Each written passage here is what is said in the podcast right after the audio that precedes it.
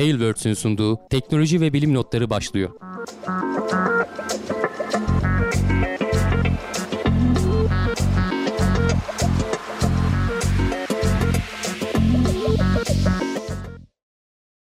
Teknoloji ve bilim notlarına hoş geldiniz. Ben Hamdi Kellecioğlu. Karşımda Volkan Ekmen var. Her hafta olduğu gibi teknoloji ve bilim dünyasından karşımıza gelen haberlerle karşınızdayız. Ulan ne biçim bir cümle oldu bu da. karşımıza gelen haberlerle karşı. Neyse bu hafta da böyle bir giriş yapmış olduk. Evet. Nasılsın Volkan? İyiyim abi çok teşekkür ederim. Seni sormalı. Sen nasılsın? Ben de iyiyim. E, keyfimiz yerinde. Bir sıkıntı, bir arıza yok. E, biraz vaka sayıları artıyor. Tedirginlik var sadece. Evet. Çok da konuşacağız birazdan. Neler konuşacağız? Sen istersen bir şöyle kısaca özet evet, geç. Hemen özet geçiyorum bugünkü konularımızı. Gene her zaman olduğu gibi Covid-19 e, haberleriyle başlayacağız. Genel durum değerlendirmelerini yapacağız. Zaten bu hafta bir haberimiz yok. Direkt durum değerlendirmelerini yapıp e, ondan sonra herkesin bence en çok sevdiği bölüm uzay haberlerimize geçeceğiz ve Starship SN-11 e, patladı. Yani bu da patladı. Yapacak bir şey yok. E, bunu da başaramadık. Bakalım sıradakinde neler olacak. E, Virgin Galactic yeni uzay uçağını duyurdu. E, ve Mars'taki gözümüz e, Perseverance'dan e, uçacak olan helikopter Ingenuity ayrıldı artık tek başına kendi başına Mars'ta. Evet, e, bekliyor deneylerini, gözlemlerini yapacak. Ee, Çin e, Mars gezgin Mars gezginini Mayıs ayında e, yüzeye indirmeyi deneyecek.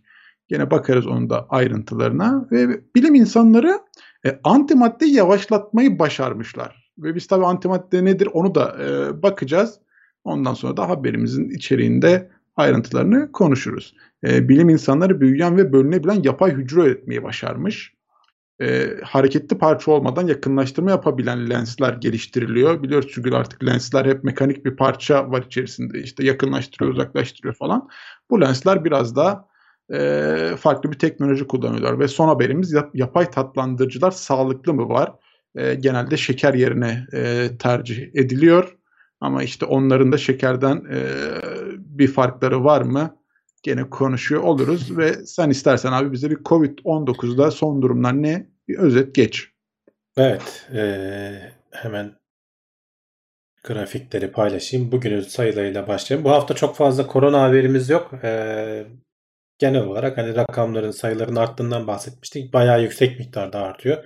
Bu İngiliz e, varyantı artık hani Türk varyantı oldu. Bizim de burada %80 vakalarda o gözlemleniyormuş. Çok hızlı yayılıyor diyorlar. E, ve vakalarda da bu görünüyor açıkçası. Hani bir önceki tepede e, 32-33 binlere çıkmıştık en fazla günlük görülen vaka sayısında. E, bu sefer 43 binlere, 42 bin 500'lere daha geldik. Yani bu ve bu da gitgide artacak gibi de görünüyor. Henüz daha bir yavaşlama e, etkisi, emaresi gözlemlenmiyor. Hani hayatını kaybedenlerin sayısı biraz daha geriden geliyor biliyorsun. Bir 2-3 hafta arada bir şey var hastalığa yakalandıktan sonra. Şu an 190'larda bu böyle 60'lara kadar falan inmişti. Tekrar bir artış gözlemlendi ama Sağlık Bakanlığı'nın falan açıkladığına göre aşılar işe yarıyor. E, hayatını kaybedenlerin veya yoğun bakıma kaldıranların çok büyük bir oranı 60 yaşın e, altında olanlar. Yani onun üstünde aşılananlar e, şimdilik hafif atlatıyor gibi görünüyor. Tabii ki ayrıntılarını paylaşmadılar. E, onların hani söylediklerinin kadarıyla ifade ediyoruz ama hani beklenti de bu yöndeydi. Yani akla mantığa uygun açıklamalar en azından öyle söyleyeyim. Aşılamalarda neredeyiz dersen e, geçen hafta diye göre yaklaşık 1 milyon daha artmış. 17 milyonu geçmişiz. E, geçen hafta da konuşuyorduk. E, o en yüksek e, nüfusa sahip 30 ülke arasında İngiltere ve Amerika'dan sonra Türkiye 3. Onu hemen işte Fransa, İtalya falan takip ediyor.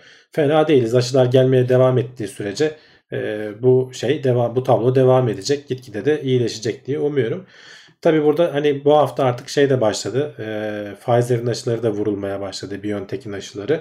Orada seçme şansı verdiler. Orada biraz işler karışık. Hani e, her yerde olmuyor. Sonuçta hastanelerde oluyor. Saklama Sen, koşulları farklı ya. Evet, evet. hastaneye Hı-hı. gidip vur, şey yapman gerekiyor. Orada aslında hani devlet kimseye şans vermek yerine çünkü bitecek onların sayısı daha az. E, seçme şansı yerine şey bence hani sırası gelene uygulasa daha iyi olabilirdi gibi düşünüyorum ben. Ee, orada da mesela hani şey diyorlar eğer çok alerjik bir bünyen varsa Pfizer'in işte aşıları daha riskli oluyor diyorlar.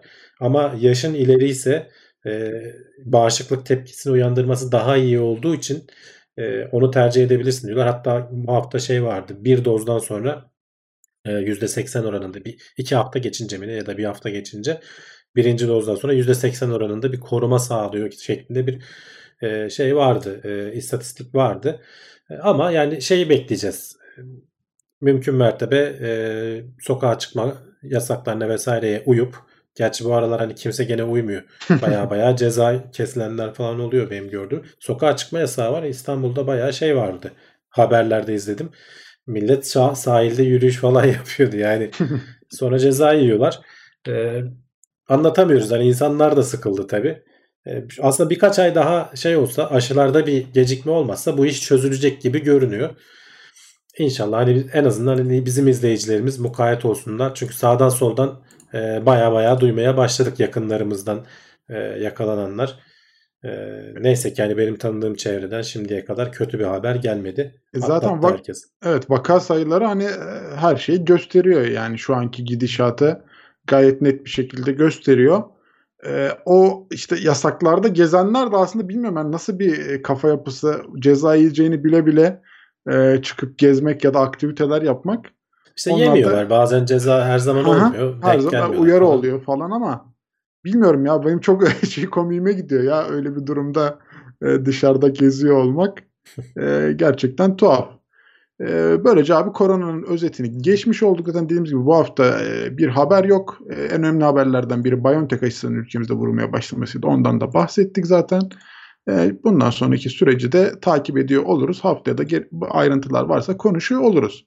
Bayağı hızlı bir şekilde şimdi e, uzaya doğru çıkıyoruz abi. Starship SN-11 e, test aracıydı zaten ve patladı. Bu sefer de patladı. Yani kaçıncı oldu sayamadık. E, sonuncudan sonra belki Dördüncü galiba. ama Dördüncü Evet. e, deneme. E, yani zaten deneme. Yani hani adı üstünde. evet E, biraz e, kulis kısmında konuşuyorduk yayından önce. İşte ilk denemede neredeyse o kadar başarılı oldular ki hani e, o da bayağı dikey pozisyona gelmişti. Yere sert indi biraz. Sanki hani ondan sonra hemen e, artık hani motoru çözecekler falan bu iş oldu diye düşünüyoruz ama öyle değil tabii bu üzerindeki motorlar yeni aracın işte e, şeyleri yeni kullandığı yakıt yeni bayağı bir yenilik var aslında. Demek ki o kadar kolay olmuyormuş. Bu sefer bakın şu anda ekranda görünüyor. E, 0 5 dakika oldu işte.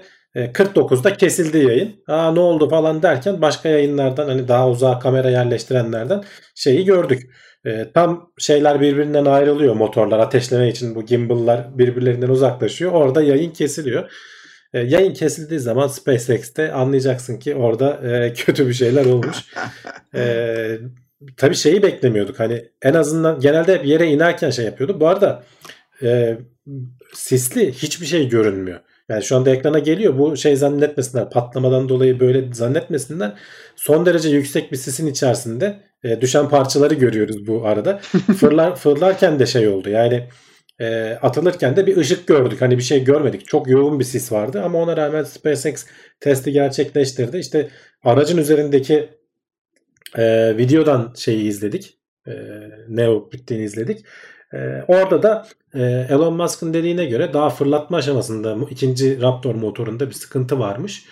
E, tam istenilen basınç seviyesine ulaşamamış. E, yükseldi, yeterince yükseldi, kapattı, işte dalışını yaptı.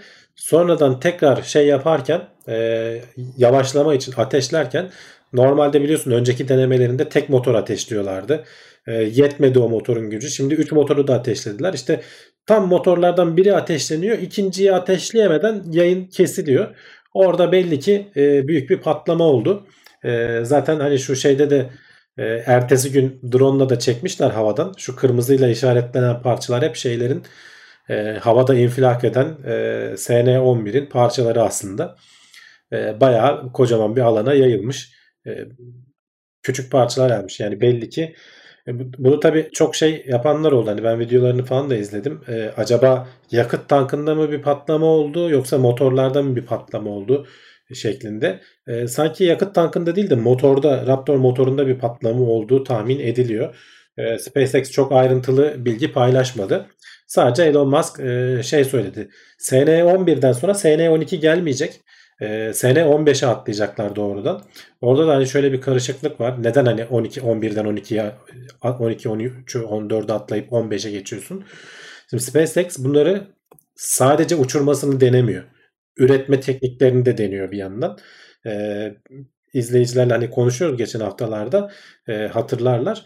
E, daha bir tanesi e, yapılırken e, fırlatmasını beklerken ikincisi sırada bekliyor. Diğerleri üretiliyor. Bu arada işte o tepedeki konisi bilmem nesi falan yerleştiriliyor falan. Hepsi için ufak ufak farklılıklar deniliyor. SN15 daha öncekilerden öğrenilenlerden bayağı büyük farklılıklar içerdiği için e, SN 12, 13, 14'e atlayacaklar.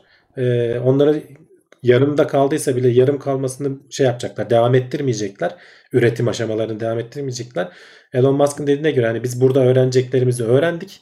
E, SN15 bayağı büyük değişiklikler getirecek diyor. İşte en e, en çok hani beklenen değişiklikler o iniş takımlarında falan bir farklılık olacak. E, şeylerin yakıt tankının yapısında vesaire de falan bir farklılık olacak diyorlar. Bakalım onun da hani üretimi tamamlanmak üzere e, şeyde görürüz bir birkaç hafta içerisinde e, onun da fırlatmasını izleriz. Şöyle unuttuğum bir şey var mı diye haberlere bakıyorum ama yok gibi görünüyor. Motorlar hakkında ne düşünüyorsun abi? Yani sence e, ya motor arızasından dolayı bu herhalde yanlışım yoksa ikinci patlama oldu. Hani o ilkinde tabii şey olmuştu.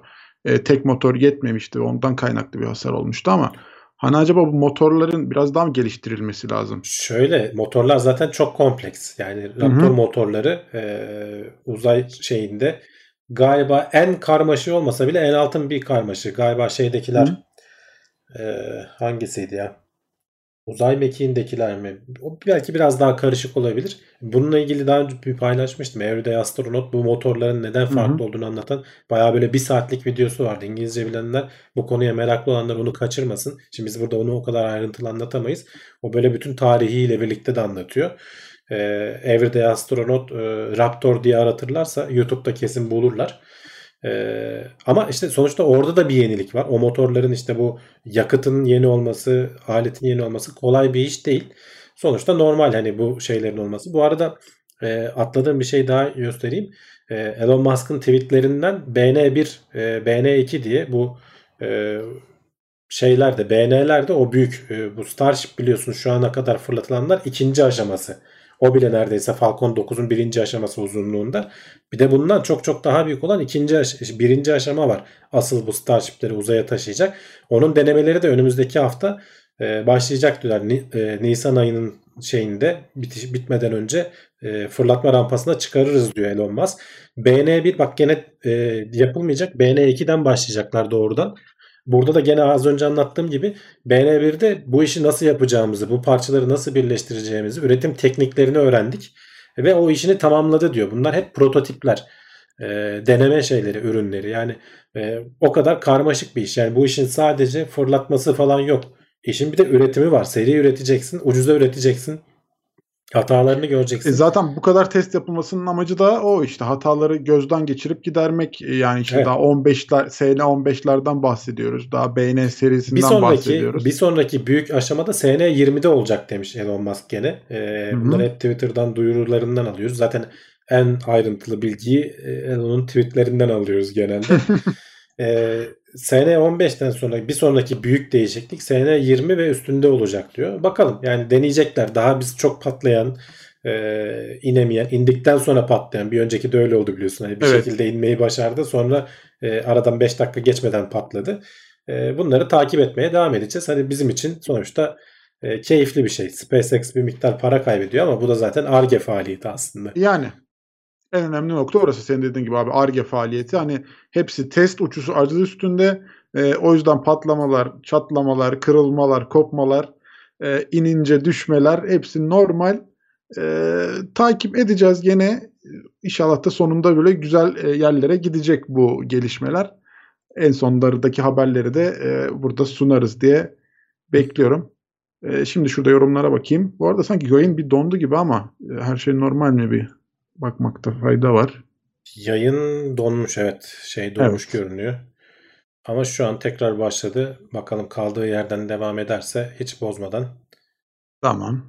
Bir gittik geldik sanırım. Ben hemen şöyle yorumlara bakıyorum. Ee, yeni gelenler de olmuş. Onlara da hoş geldin diyelim. Ee, head podcast, head podcast diyor. Ee, evet canlı yayına gelmiş. Soruları, evet. yorumları bekliyoruz arkadaşlardan. Tabii ki. E, Hyperloop'la ilgili ne düşünüyorsunuz diye sorulmuş. Hızlıca bir cevap vermek ister Ya misin? abi? geliştirmeye çalışanlar var henüz daha ama ortada daha görebildiğimiz kadarıyla bir şey yok. Ee, bir çıksın e, çalışan bir şeyini görelim Hı hı. ne denir prototipini görelim. O da galiba bu yıl içerisinde e, bir deneme yapacaklar. E, Space şeyin Elon Musk'ın değil de başka bir girişim vardı. Kimdi ya? E, şimdi hatırlayamadım. Onlar deneyecekler galiba. E, kendi Hı hı. elemanlarını yerleştirip hani bir insanlı deneme yapacaklar. Daha, daha çok şey yani olma ihtimali pek hani kısa vadede ortaya çıkma ihtimali yok. Güzel bir projeydi hani akla ziyan bir projeydi ama Takipteyiz diyelim. evet Evet, takipteyiz. Virgin Galactic e, yeni uzay uçağını duyurmuş abi. Evet, e, hemen onu da paylaşayım ekran görüntülerini. Bir tane video da yayınladılar. E, Virgin Galactic biliyorsun onlar uzay uçağı mantığıyla gidiyorlar. Roket olarak değil de e, bir başka uçağın e, White Knight'tı galiba o büyük bir mothership diyorlar ana uçağın altında belli bir yüksekliğe ulaşıyorsun. Sonra seni bırakıyor. E, roket motorunu ateşliyorsun ve bunlar yörünge altı. Bunlar yörüngeye çıkan araçlar değil.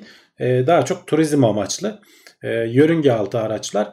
Ee, daha önce denemeleri yapılan e, VSS-2 işte Virgin Spaceship'in kısaltılmışı VSS-2 Unity vardı.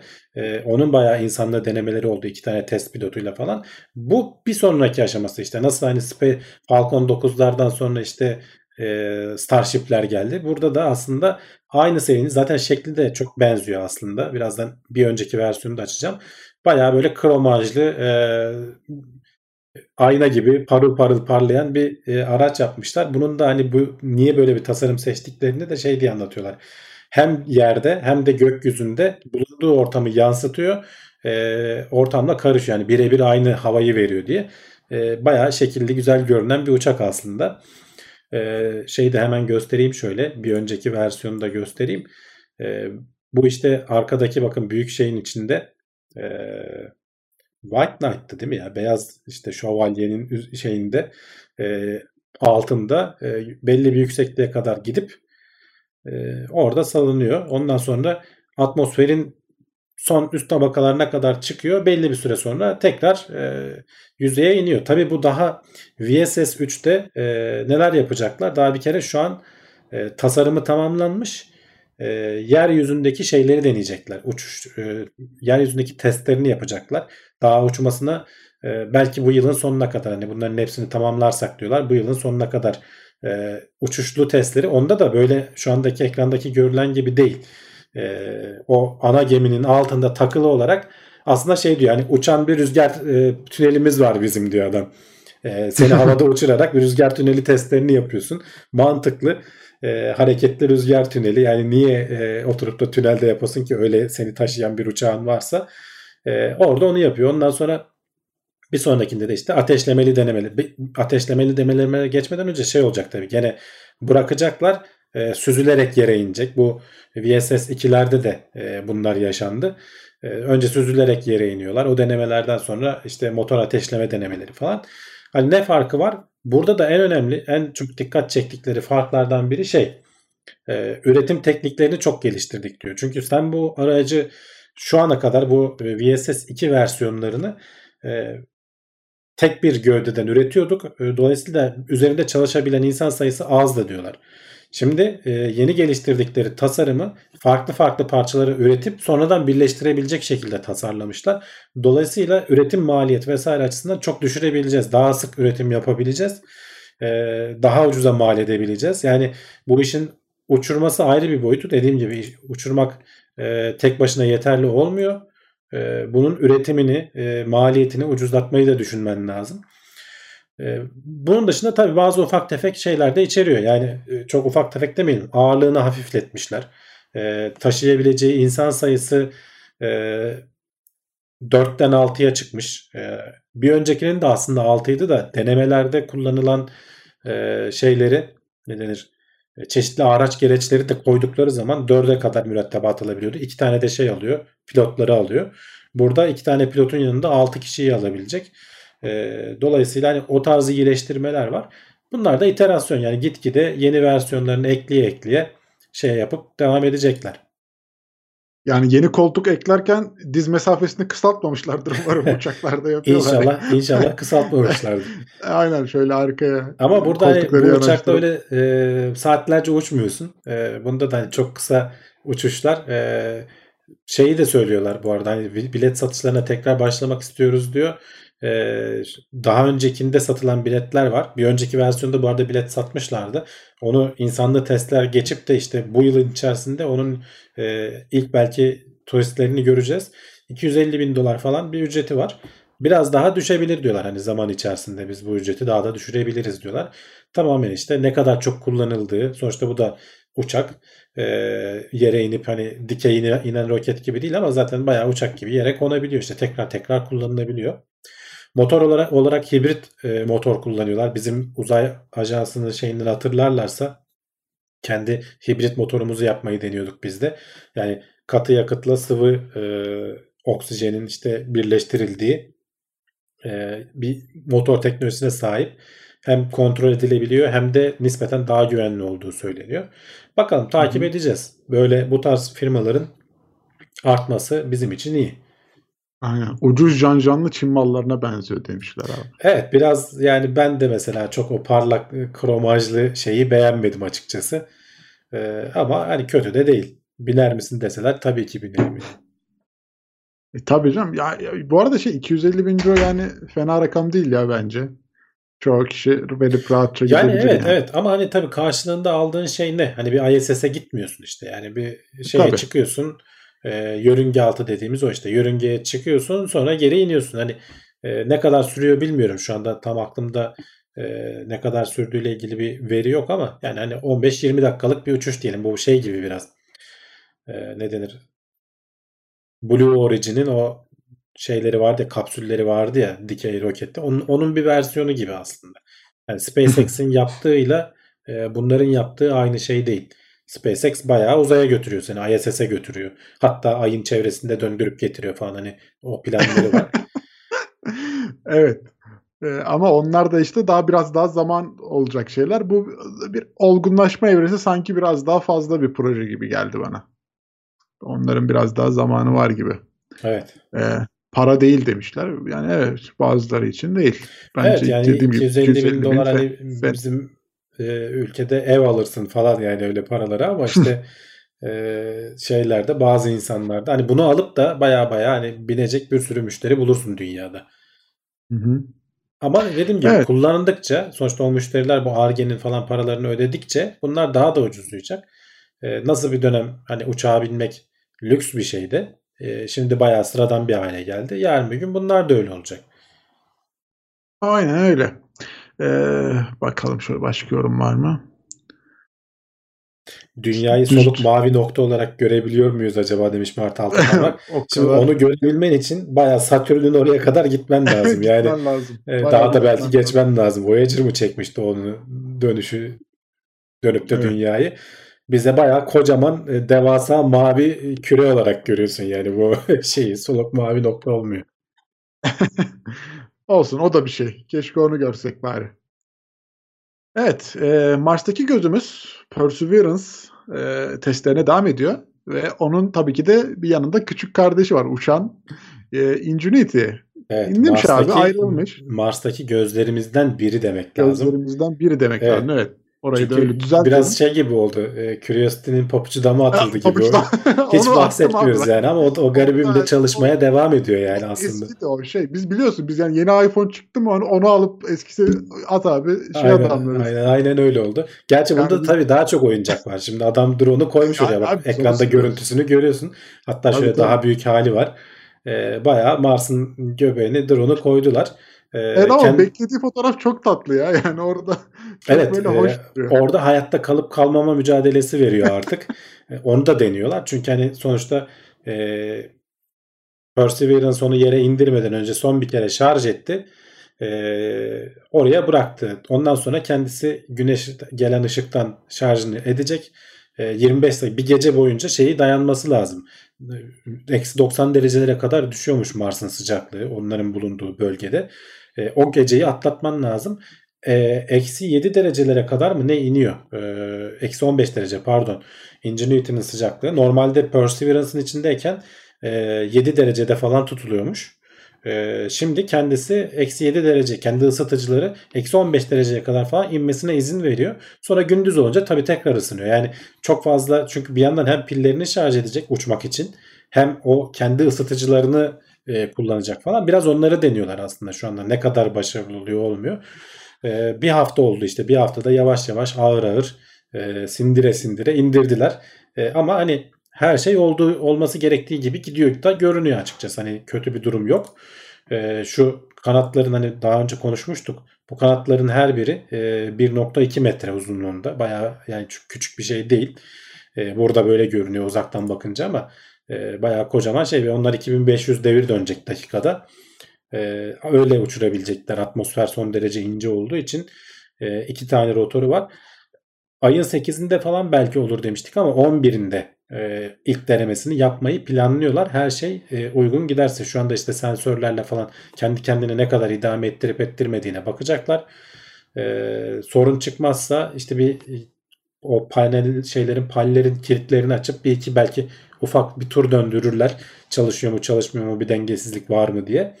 E, ondan sonra da belki e, 11 e, Nisan'da da haftaya yani bugün biz aslında şeyi konuşuyor oluruz belki. Nasıl uçtu, e, başarılı oldu mu olmadı mı vesaireyi konuşuyor oluruz. Merakla bekliyoruz. Evet. Yani haber değeri olan şey bu dediğimiz gibi curiosity hani biraz kokusu dama atılmış gibi oldu ama yapacak bir şey yok. Bir, bu Şimdi bir ay şey... Nisan, Nisan ayı e, Ingenuity'nin ayı olacak diyorlar. Hani e, Perseverance'da 60 metre falan uzağa çekildi. Dama atacağız onu.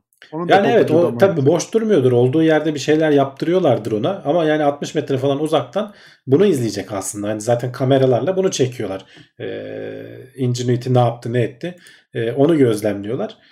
Bakalım. Çok da uzaklaşamıyor. Evet. Çünkü Ingenuity'nin e, sinyallerini Perseverance üzerine alıp oradaki uyduya gönderiyor. Uydular dünyaya gönderiyor falan. Yani bunun dünyayla iletişim kurması mümkün değil zaten. Bakalım takip edeceğiz. Olsun olsun izleriz ya. Çeksin bir şeyler çeksin de bize göndersin. Biz de burada izleyelim. Bu yani arada baş, 2500 başka bir dünyada hani bu niye önemli? Başka Aha. bir dünyada e, güç kullanarak uçan ilk araç olacak aslında bir yandan. Yani evet.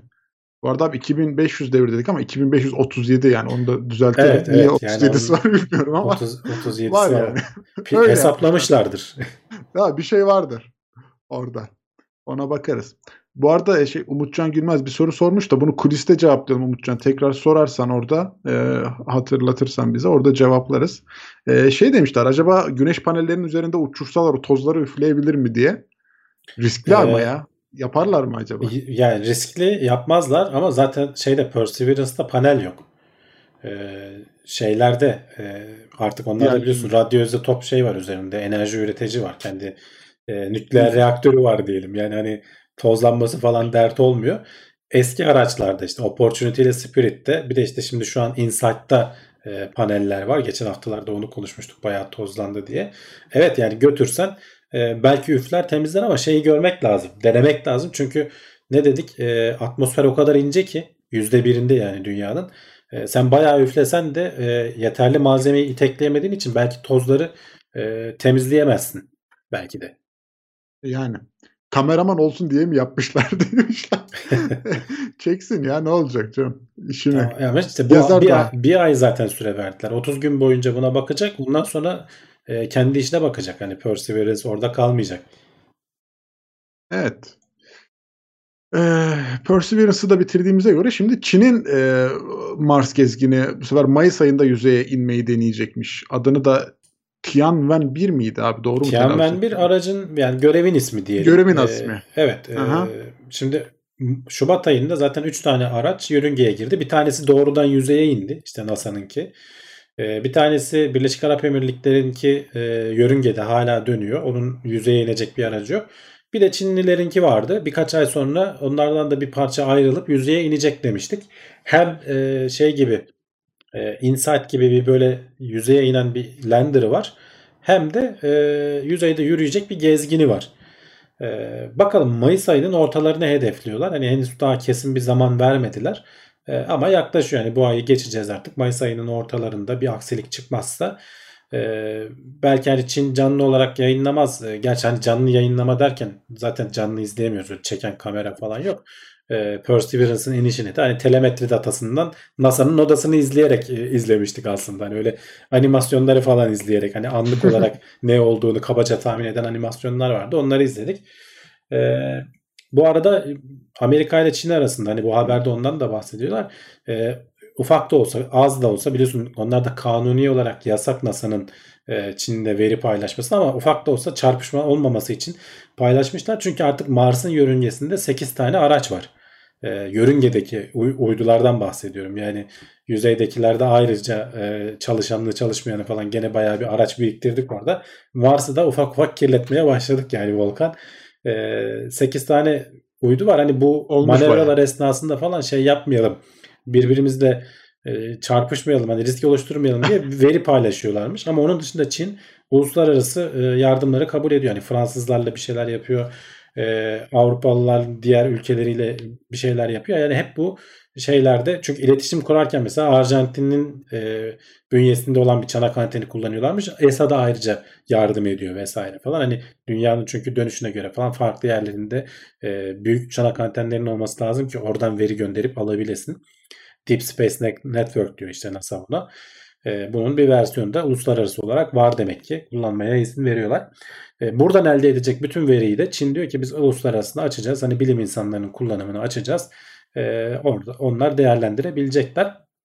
Eğer başarılı olursa e, Mars'ın yörüngesine araç yerleştiren 6. ülke olmuştu Çin. E, yüzeye indiren 3. ülke olacak.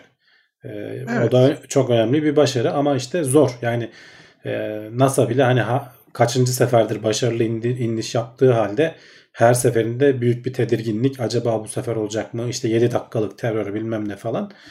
E, bakalım yani NASA Amerikalılar dışında e, hani genel olarak yüzeye inen araçların oranlarına baktığın zaman %50 %50 diyorlar. Hani inmeyi deneyip de inebilenler %50 başarılı olmuş şimdiye kadar. İnşallah Çinliler hani bunu kazasız belasız atlatırlar.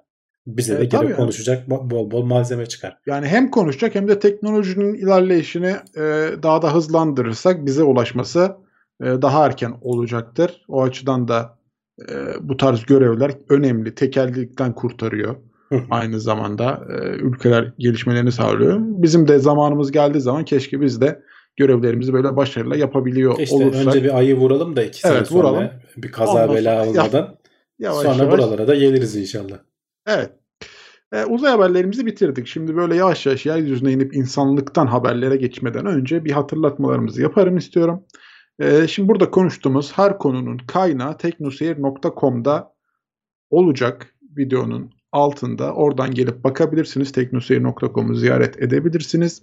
Aynı zamanda bizi desteklemek istiyorsanız YouTube'dan abone olabilir. Bu içeriği beğendiyseniz beğen tuşuna basabilir. E, ve maddi bir destek sağlamak istiyorsanız katıl tuşundan bütçenize uygun bir şeylerle e, destek olabilirsiniz diyelim. Aynı zamanda Twitch'te de yayınlar devam ediyor. Orada da biliyorsunuz ki Prime abonelikleri var e, Amazon'un. Onları da başka bir yere kullanmadıysanız Twitch kanalına, Teknoseyir Twitch kanalına kullanabilirsiniz diyelim. E, sıradaki haberimize geçiyorum. Bilim insanları antimaddeyi yavaşlatmayı başarmış abi. Bu antimadde ne ve biz bunu niye yavaşlattık? Ee, şöyle aslında hani başlık biraz kısa olsun diye oraya biraz yanlış olarak yazdım. Zaten yavaşlatmayı başarmıştık. Daha da yavaşlatmayı başardık. Hani ne hızlarda dersen sen bunu ürettiğinde bayağı ışık hızlarına yakın hızlarda oluyor. Bu parçacık hızlandırıcı CERN'de e, bir şeyleri çarpıştırıp üretiyorsun bunları. E, bayağı ışık hızına yakın hızlarda oluyor. Onu böyle işte saatte 300 kilometre hızlara kadar hani bir Formula 1 arabası hızına kadar indirmeyi başarmışız zaten. Son e, bir aşamada e, artık 50 kilometre hıza indirmişler. Bu haber aslında onu anlatıyor. Ee, burada hani niye e, böyle bir şey var? E, antimadde bizi niye ilgilendiriyor dersen biraz ondan bahsetmek lazım. İnşallah dilimde öldüğünce anlatmaya çalışacağım. Karışık konular. Bu atom altı parçacıklara falan inmeye başladığın zaman işler karışıyor. Kuarklar, e, işte, evet. e, nötrinolar e, falan vesaire işin içine girdiği zaman benim de kafam almıyor ama şimdi bayağı bir antimadde ile ilgili bir şeyler okudum. Biraz bahsedelim.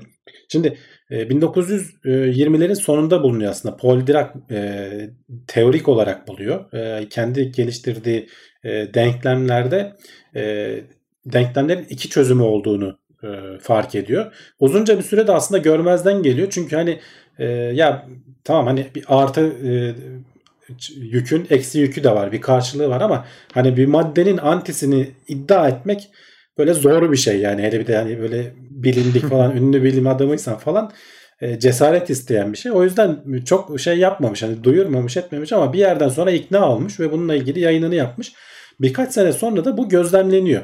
Aslında antimadde dediğimiz zaman biz şey zannediyoruz hani böyle uzayda olan bir şey hani buralarda olmayan bir şey gibi zannediyoruz. Evet dünyada e, çok fazla olamıyor. Çünkü antimadde maddeyle birleştiği anda enerjiye dönüşüyor. Birbirini yok ediyorlar. Yani bunlar birbirinin e, negatifleri. Yani bir araya getirdiğin zaman gamma ışınımı yayarak enerjiye dönüşüp yok ediyorlar birbirlerini. Dolayısıyla dünya üzerinde antimaddeye anlık olarak rastlayabiliyorsun. Çünkü bir süre sonra mutlaka bir maddeye denk gelip e, yok oluyor. O yüzden mesela e, bize çok yabancı bir şey değil. E, çünkü işte bu parçacık hızlandırıcılarında vesairede falan da oluyor ama gündelik hayatta da mesela e, belli ışınımlar e, mesela muz yiyorsanız diyorlar bir haberde bunu okudum.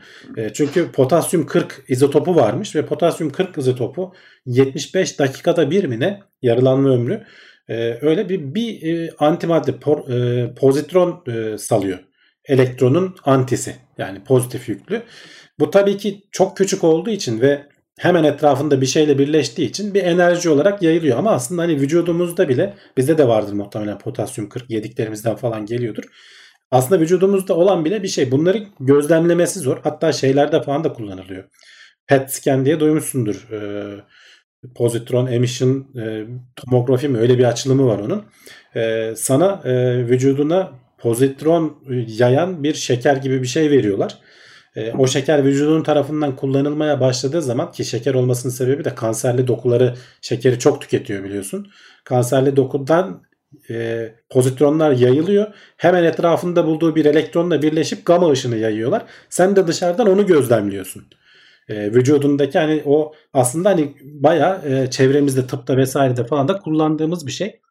Şimdi peki biz bunu niye yavaşlatmaya çalışıyoruz? Derdimiz ne dersen orada da aslında şöyle de bir video var. Onu da bir yandan e, çok karmaşık araçlar bu CERN'deki şeyler. Biz hani e, hep şeylerden bahsediyoruz. İşte kütle çekimsel dalgaları falan görecek teknolojiye geldik diyoruz. Bu CERN inanılmaz bir e, cihaz yani orada e, dünyanın en akıllı beyinleri çalışıyor öyle diyelim. e, ve şey geliştirmişler yani pek çok şeyin yanında işte bu antimadde ile ilgili e, şeyler de yapıyorlar. İşte bir yerden hızlandırıyorsun e, bu başka bir alana geçiyor. Orada dönmeye başlıyor.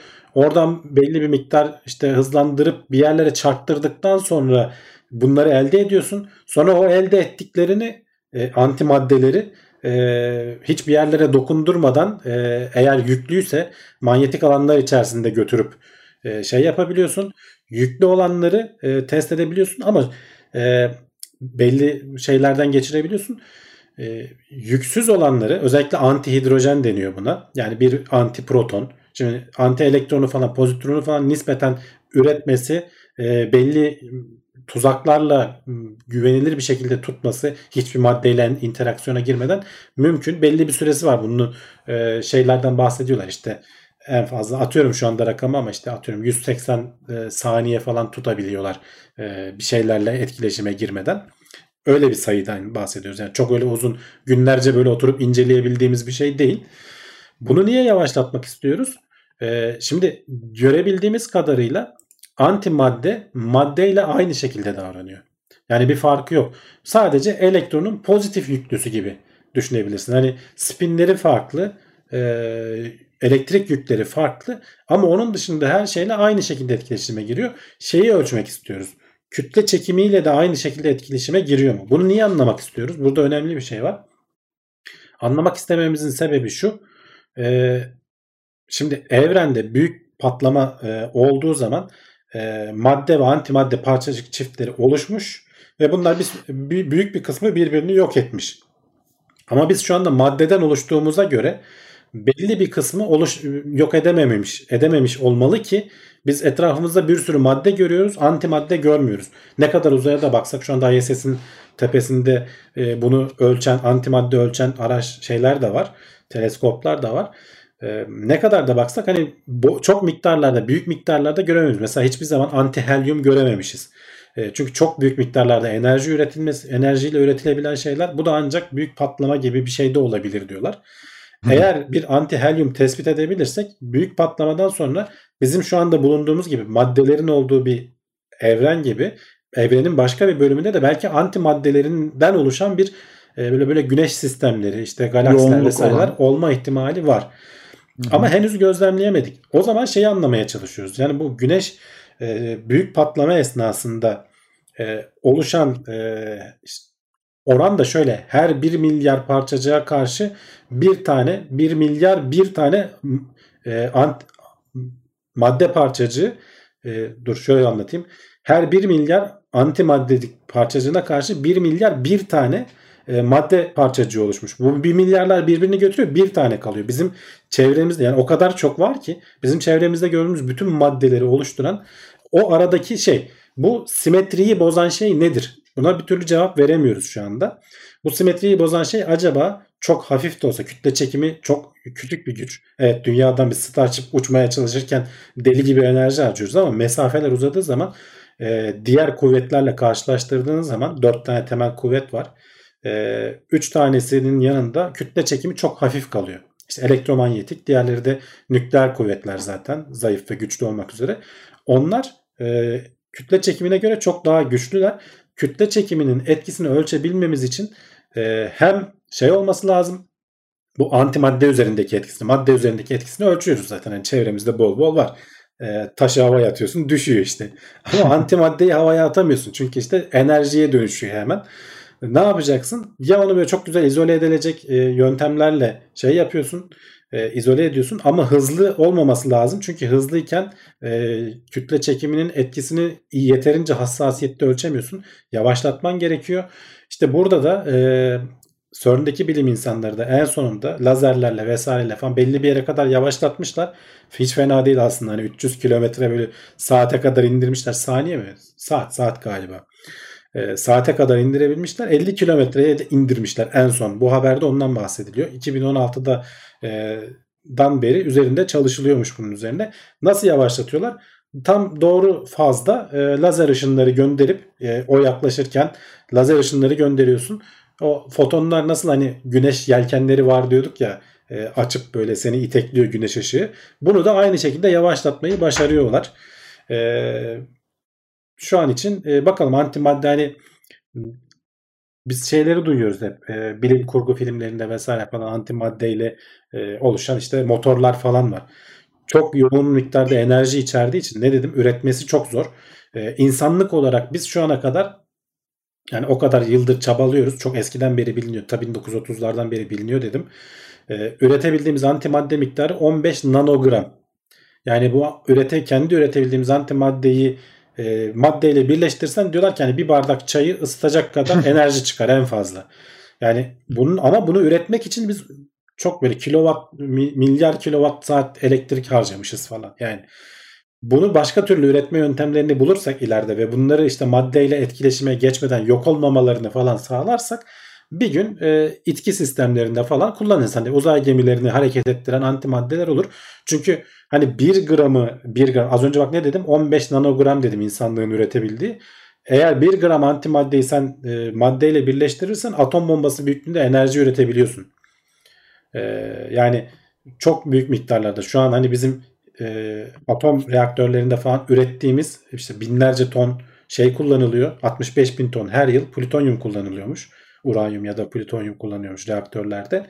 Ee, onun ürettiğinin kat be kat daha fazlasını e, şeyle üretebiliyorsun. Çok az bir antimaddeyle üretebiliyorsun. Ama Hı-hı. antimaddeyi de ele geçiremiyorsun. İşte öyle bir durum var. E, bunu bilim insanları üzerinde çalışıyorlar. E, yavaşlatmayı başarmışlar. E, antimadde dediğimiz gibi onu tekrar hatırlatayım. Hani böyle çok bilinmeyen e, bizden uzak bir şey değil. Her an yanımızda ama yok oluyor. Bizim maddelerimizle evet, birlikte. Bir anda kayboluyor gidiyor. Ve tekrar oluşuyor. Yani mesela yıldırım çarptığı zaman vesaire falan da oluşuyormuş. E, uzaydan sürekli dünyaya e, düşen işte bir başka parçacığa çarpana kadar düşen versiyonları falan var. E, yani bu, etrafta bulunan e, sık görülen bir şey aslında. Evet. Yani abi öyle bir şiir gibi anlattın ki oturduk hep beraber e, dinledik baştan sona chat durdu. Herkes böyle gerçekten Ya işte şey ben de hani anlatacaklarımı unutmayayım diye şöyle bakıyorum bir Evet, yandan evet. notlara da. Ee, yok abi gayet e, açıklayıcı, bilgilendirici bir anlatıştı. E, ama e, çok da benim de uzmanlık alanım olmadığı için Hayır, sorular olursa şeyden Evet, e, devam edelim. E, kulis bölümünde şey yaparız. Bunu uzun uzun soruları konuşuruz. cevaplarız. Bu arada şey yorumu çok hoşuma gitti. E, Hamdi abi işte eski manitayla ben de öyleydik. Bir araya gelince birbirimizi yok ederdik. Dertlendirdin beni demişler. Antimaddeyle işte maddenin birleşimiyle alakalı. Oluyor bazen öyle evet. Evet o olabilir yani. Ee, bombası ne zaman yapacaklar diye sorulmuş. En büyük Yapmasınlar herhalde. işte onu diyorum. Yani Ee, bir gramıyla bile e, bayağı e, nükleer enerji kadar atom bombası kadar şey üretebiliyorsun diyorlar. Evet. Ee, parçacı hızlandırıyor muyuz, yavaşlatıyor muyuz? Bir karar versek demiş. Ve işte bazılarını hızlandırıyoruz, bazılarını yavaşlatıyoruz. Hızlandırdıktan sonra yavaşlatıyoruz işin kötüsü. Bunları oluşturup bir de yavaşlatmaya uğraşıyoruz. Evet, antimadde haberi böyleydi. Bununla alakalı gene sorular olsa kuliste cevaplandıralım. Ee, buradan gene sıradaki haberimize geçelim. Bilim insanları büyüyen ve bölünebilen yapay hücre üretmeyi başarmış. Evet gene akla ziyan bir haber. Ee, ara ara ben geçmişte konuştuğumuzu hatırlıyorum. Suni DNA işte yapay e, şey 6 bazdan oluşan nükleotitten oluşan bakteri üretildi diye. Mesela bütün canlılarda biz 4 aden, adenin, timin, sitozin, guanin 4 tane biliriz. De urasil mi vardı? Bi- Bitkilerde miydi o? Öyle bir şey hatırlıyorum. Bütün hayvanlarda bu dördünden oluşuyor bizim DNA'mızın bu bazıları. Bunlar birbirlerine bağlanıyorlar. Ama mesela artık teknolojide öyle bir noktaya geldik ki biz kendi düşündüğümüz bazları oluşturup e, iki tane daha eklemişler. Altı tane bazdan oluşan e, yarı yapay bakteriler vardı. E, bunlar üzerinde çalışıyoruz artık. Yani insanlık olarak bayağı hayatı yeniden en temel yapı taşından üretecek noktaya geldik. Burada da artık tamamen yapay. Hani benim az önce söylediğim haberde e, belli bir bakteriyi alıp belli kısımlarını değiştirip e, yaşıyor mu yaşamıyor mu ne oluyor falan diye inceliyorlardı. Bunda sıfırdan e, yapay bir bakteri geliştirmişler. Hatta versiyonu var. Bak şurada yazıyor. JCVI Sin 3A diye. Bu 1.0'dan başlamış. E, en son işte 2016 yılında mı ne 3'ü yapmışlar. E, or- onun da haberi var. 473 genden oluşuyor. Bak JCVI Sin 3.0 e, canlısı 473 genden oluşuyor. Dünya üzerinde en az e, gene sahip e, tek hücreli canlı şekli. Bizim geliştirdiğimiz hani sıfırdan başka bir şeyden alıp kopyaladığımız falan değil. E, geliştirdiğimiz. Bu yalnız e, garip garip böyle bölünmeden falan önce garip garip şekiller oluşturuyormuş ve herhalde bütünlüğü bozuluyor. E, bunu biraz daha uğraşmışlar. Demişler ki biz buna 19 tane daha gen eklersek e, bu artık kendi bütünlüğünü koruyabilen, normal bir hücre gibi büyüyebilen ve bölünebilen bir yapıya kavuşuyor. İşte bu JCVI e, Sin 3A o canlı, o bakteri. E, bunu niye böyle bunun üzerinde uğraşıyorlar? Çünkü genetik olarak hani hangi genin ne yaptığını çözmek için kontrollü bir ortama ihtiyacımız var. Bu da onu sağlayacak sana. Hem çok daha basitleştiriyorsun canlıyı. E, 473 gene kadar indirmişsin işte 10, 19 daha ekle 500'e yaklaşıyor diyelim. Doğada gördüğün pek çok canlıdan, bakteriden e, çok daha az gene sahip ama yaşayabiliyor da. Bir de ufak tefek üzerinde değiştirerek, ekleyip çıkararak vesaire falan e, nasıl çalıştığını, bu gen, gen mekanizmasını tamam haritasını çıkarıyoruz. insanlığın işte e, çeşitli canlıların vesaire falan ama nasıl çalıştığını bilmiyoruz. Bir şey ekleyince bambaşka sonuçlar elde edebiliyorsun. Aynı gen başka yerleri de kontrol edebiliyor ama bunları anlamak için e, bunlar, bu tarz şeyler üzerinde uğraşıyorlar. Bunun dışında e, bu işte yarı yapay olan e, DNA'larla da canlılarla da şey diyorlar. Yani mesela öyle bir canlı ürettik ki diye düşün. E, işte şey döküldü. E, petrol sızıntısı oldu. Orayı işte bakterilere yedirip o petrolleri temizleyeceksin. Ama şimdi doğaya bir sürü bak petrol yiyen bakteri salsak gerçek bakterimiz olsa onlar gidip doğada çoğalıp e, dengeleri bozabilecek bir yapıya karışa, kavuşabilirler. Adam diyor ki bir TED konuşmasında izlemiştim. Ben diyor öyle bir bakteri yaparım ki diyor 6 tane işte farklı doğada olmayan nükleotitlerden oluşan bir bakteri yaparım. O gider oradaki petrolü yer ama sonra doğada kullanabileceği o nükleotitleri bulamayacağı için yok olur gider. Kendini devam ettiremez. Yani aslında tam böyle nokta atışı hedefleyebildiğin şeyler üretebiliyorsun. E, canlılar üretebiliyorsun. Yani aslında hani robot yani aslında hani canlılık dediğin yani. sonuçta e, programlanabilen bir şey işte. Bu genleri nasıl programlayacağımızı öğrenirsek belki gün gelecek. E, şu an bizim işte bu web sitesini falan yaptığımız gibi böyle açacağız e, şeyi VS kodu işte IDE'yi artık neyse onların geliştirme aracını yazacağız böyle. Ya, yan taraftaki 3 boyutlu printer'da e, baskısını alıp çıkarıp şey yapacak. O canlıları kullanılır hale geleceğiz. Yani bu teknolojiler bunların yolunu açıyor ufak ufak. Henüz tabii ki çok e, erken aşamada, çok emekleme aşamasındayız. Ama işte biz bu haberlere başlayalı işte 4-5 yıl oldu. 4-5 yılda kaç kere bu konuyu konuştuğumuzu, işte suni canlılık, suni yaşam, yarı suni yaşam, e, falan evet. gibi şeyleri konuştuğumuzu hatırlıyorum. Ama o zamanlar daha çok böyle genler değiştirilerek e, yapılmaya çalışılıyordu. Bu bayağı sıfırdan böyle hani. Yani gene muhtemelen e, belki bir temel bir şeyi bulmuşlardır. Bunu sıfırdan Hı-hı. diyorlar ama hani belki temel bir şeyin üzerine yapmışlardır diyeceğim ama hani e, minimuma tutmak hani var olan en az e, gen dizilimine sahip canlıyı yapabilmen için gerçekten belki de sıfırdan oturup hani şey eklediler tek tek ekleyip bunu ekleyince ne oluyor? Şunu ekleyince ne oluyor? İşte versiyon versiyon var yani. Adamlar 3.0A'ya gelmişler yani. Bir de isimlendiriyorlar. Aman abi onu e, dediğin gibi kontrollü ortamda yapsınlar da sonu yani nereye gider belli değil şimdi. Evet evet yani onun yani, bu, bu, öyle yapılması sonra lazım. Eminim öyledir de büyütür, zaten. Büyütür büyütür kocaman bir şey olur. Bizim yer ne yapar belli. Filmlerde oluyor ya böyle. Riskli evet. Olabilir ya. Bilemiyoruz. Bu arada benim de aklıma ilk gelen sorulardan birini Bahadır Gergin sormuş. Beslenebiliyor mu demiş yani. Hani o beslenme süreci nasıl oluyor? Acaba tabii tabii bes, beslenebiliyor. İşte sen o bakteri ne yiyorsa normalde doğada e, o kabın içerisine veriyorsun. Onunla besleniyor. Zaten o sayede bölünüyor. O sayede yani. büyük bölünüyor. Aynen. Evet, evet. Ben öyle tahmin etmiştim. Ee, değişik bir haber ya. Gerçekten hani böyle genleri ekleyip çıkararak e, senin de dediğin gibi robot mantığında böyle bir şey yapmak e, ve onu programlayıp istediğimiz bir yere göndermek. Ya ve gitgide hızlanıyor. Yani e, Bunlar çok daha kolay hale geliyor. Ee, bu işte genlerle, genlerle uğraşma, dizilimleri yapma, e, bir şey var olan bir şeyin dizilimini çıkarma falan. Bu işte CRISPR tekniği falan gibi de habire bizim konuştuğumuz. Bunlar yaygınlaştıkça çok ucuzluyor ve kolaylaşıyor. Herkes bu işlere girecek. Yarın öbür gün belki yani adam öyle bir şey tasarlayacağım ki diyor. Sadece üzerinde taşıdığı e, işte ilacı veya ilacı da belki hazırlamayacaksın.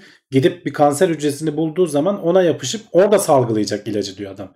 Biz öyle bakteriler belki yapabileceğiz diyor. Gidip onları yiyen, onu hedefleyen ama onun dışında vücutta hiçbir şeye dokunmayan e, böyle çok hassas e, şeyle nokta atışı atış yapabilen e, canlılar geliştirebileceğiz diyor. Yani planları bu gelecek için. Evet. Mete de demiş ki sonra da Covid nereden çıktı diyorlar diye. Yani öyle de bir riski olur mu abi sonra?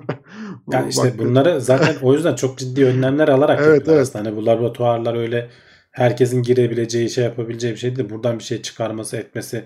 Ama tabii insanın olduğu yerde kazalar e, her zaman olur. Olabilir.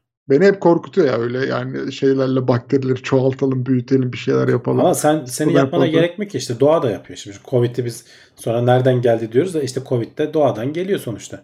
Yarın bir gün hani hep konuşuluyor ya bu Antarktika'daki buzullar eriyince orada donup kalmış kim bilir ne bakteriler Neler ne çıkacak? canlılar doğaya geri karışacak e, çoktan belki yok olmuş. E, tekrar geri gelecekler belki bizi tekrar hasta edecekler. Bilemiyoruz evet. yani. E, robotlar dedik falan filan. E, orayı da bir bitirdik e, şeyde e, bakterilerimizi. Şimdi e, hareketli parça olmadan yakınlaştırma yapabilen lensler geliştiriyormuş. Bu nasıl oluyor abi?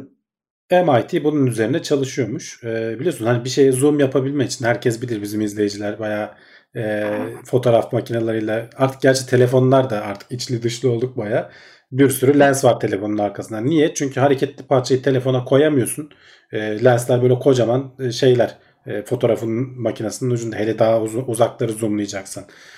E, ne yapıyorlar? O yüzden bir sürü fotoğraf şey koyuyorlar. Kamera koyuyorlar. Şimdi bundan kurtulmanın tek yolu ve lens de koymak istemiyorsan ya telefonları kalınlaştıracaksınız. Bir ara Nokia'nın falan öyle modelleri vardı.